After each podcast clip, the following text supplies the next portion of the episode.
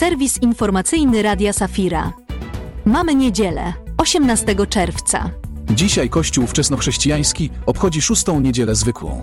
W warszawskiej parafii Pawła Starsu kazanie oparte jest na Ewangelii Mateusza. Dotyczy Bożej odpowiedzi na ludzkie potrzeby. Jezus podróżował, nauczał, uzdrawiał i litował się nad znękanymi tłumami. Powołał dwunastu uczniów i dał im moc do służby. Jezus objawia prawdziwy obraz Boga pełnego miłości i troski. Jesteśmy wezwani do służby, miłości wzajemnej i głoszenia Ewangelii. Przechodzimy do dzisiejszego kalejdoskopu historycznego. W 1260 roku Tczew uzyskał prawa miejskie. W 1938 roku prezydent RP Ignacy Mościcki dokonał otwarcia nowego gmachu Muzeum Narodowego w Warszawie. W 860 roku Rusowie po raz pierwszy zaatakowali Konstantynopol. W 1264 roku w Dublinie zebrał się pierwszy irlandzki parlament. Kalendarz urodzinowy. W 1945 roku w Paryżu urodził się Charles-Louis Alphonse Laveran. To francuski parazytolog i lekarz wojskowy.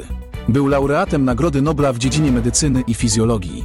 Prowadził badania nad chorobami tropikalnymi, głównie malarią. 18 czerwca 1886 roku urodził się Frank Alexander Wetmore, amerykański ornitolog i paleontolog. Jako pierwszy opisał ponad 190 populacji ptaków. Ponad 50 gatunków zwierząt i roślin nazwano jego imieniem, w tym wymarły gatunek Alexornis. Aktualności.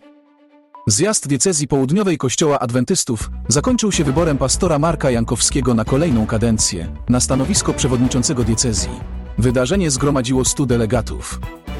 Szkoła biblijna zainicjowana przez biskupa Kaliskiego zakończyła kolejny rok nauczania, wręczając dyplomy 76 uczestnikom drugiej edycji. W ramach projektu duszpasterskiego odbyło się 9 wykładów poświęconych różnym aspektom Biblii. Uczestnicy spotykali się co trzecią sobotę miesiąca w Kaliskim Technikum Świętego Józefa. Zachód Słońca to nowy dokument telewizji polskiej. Film ukazuje codzienną posługę brazylijskich misjonarzy pomagających na Juboszczyn.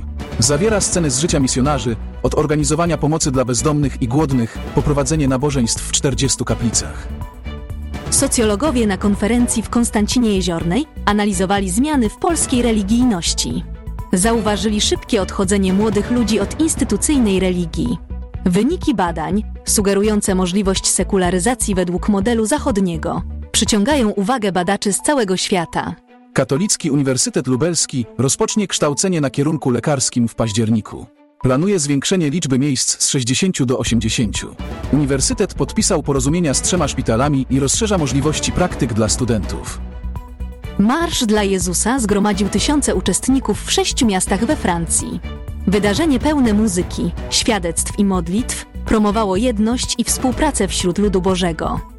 Jest to inicjatywa wspólnot ewangelikalnych, mająca swoje korzenie w Londynie od 1987 roku.